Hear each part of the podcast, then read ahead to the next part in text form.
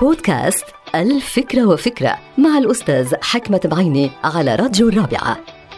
فكرة اليوم لها علاقة ببعض المدراء اللي في ناس بتتهمهم إنه هن مدراء عاطفيين وبيتعاملوا حقيقة مع الموظفين بطريقة عاطفية غير مهنية. كان في ناس دائما وخاصة في بعض أقسام الموارد البشرية بيتهموا بعض المدراء بأنه هن كتير عندهم رأفة وكتير هن بيسامحوا الناس وكتير هن بيتعاطفوا مع الموظفين وهذا يؤثر سلبا على مسار العمل.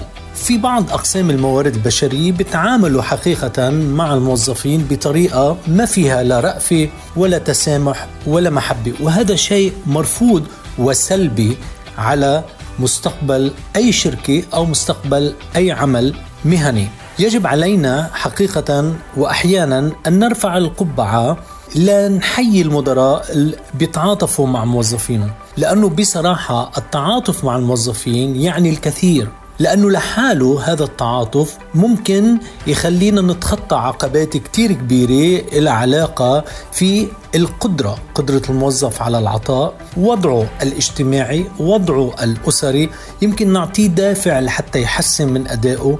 العطف والحنان والرأفة والتسامح كلهم كاركترز خصائص مهمة جدا للمدير لحتى يضلوا محتوي كل المشاكل التي تصدر عن الموظفين عن غير قصد لأنه هناك موظف يقصد أن يؤثر سلبا على عمل وإنتاجية الشركة وهناك موظفين طيبين ما عندهم أي غاية إلا خدمة الشركة في الإنتاج وفي السمعة لذلك المدير يجب عليه أن يعرف حقيقة هذا الموظف.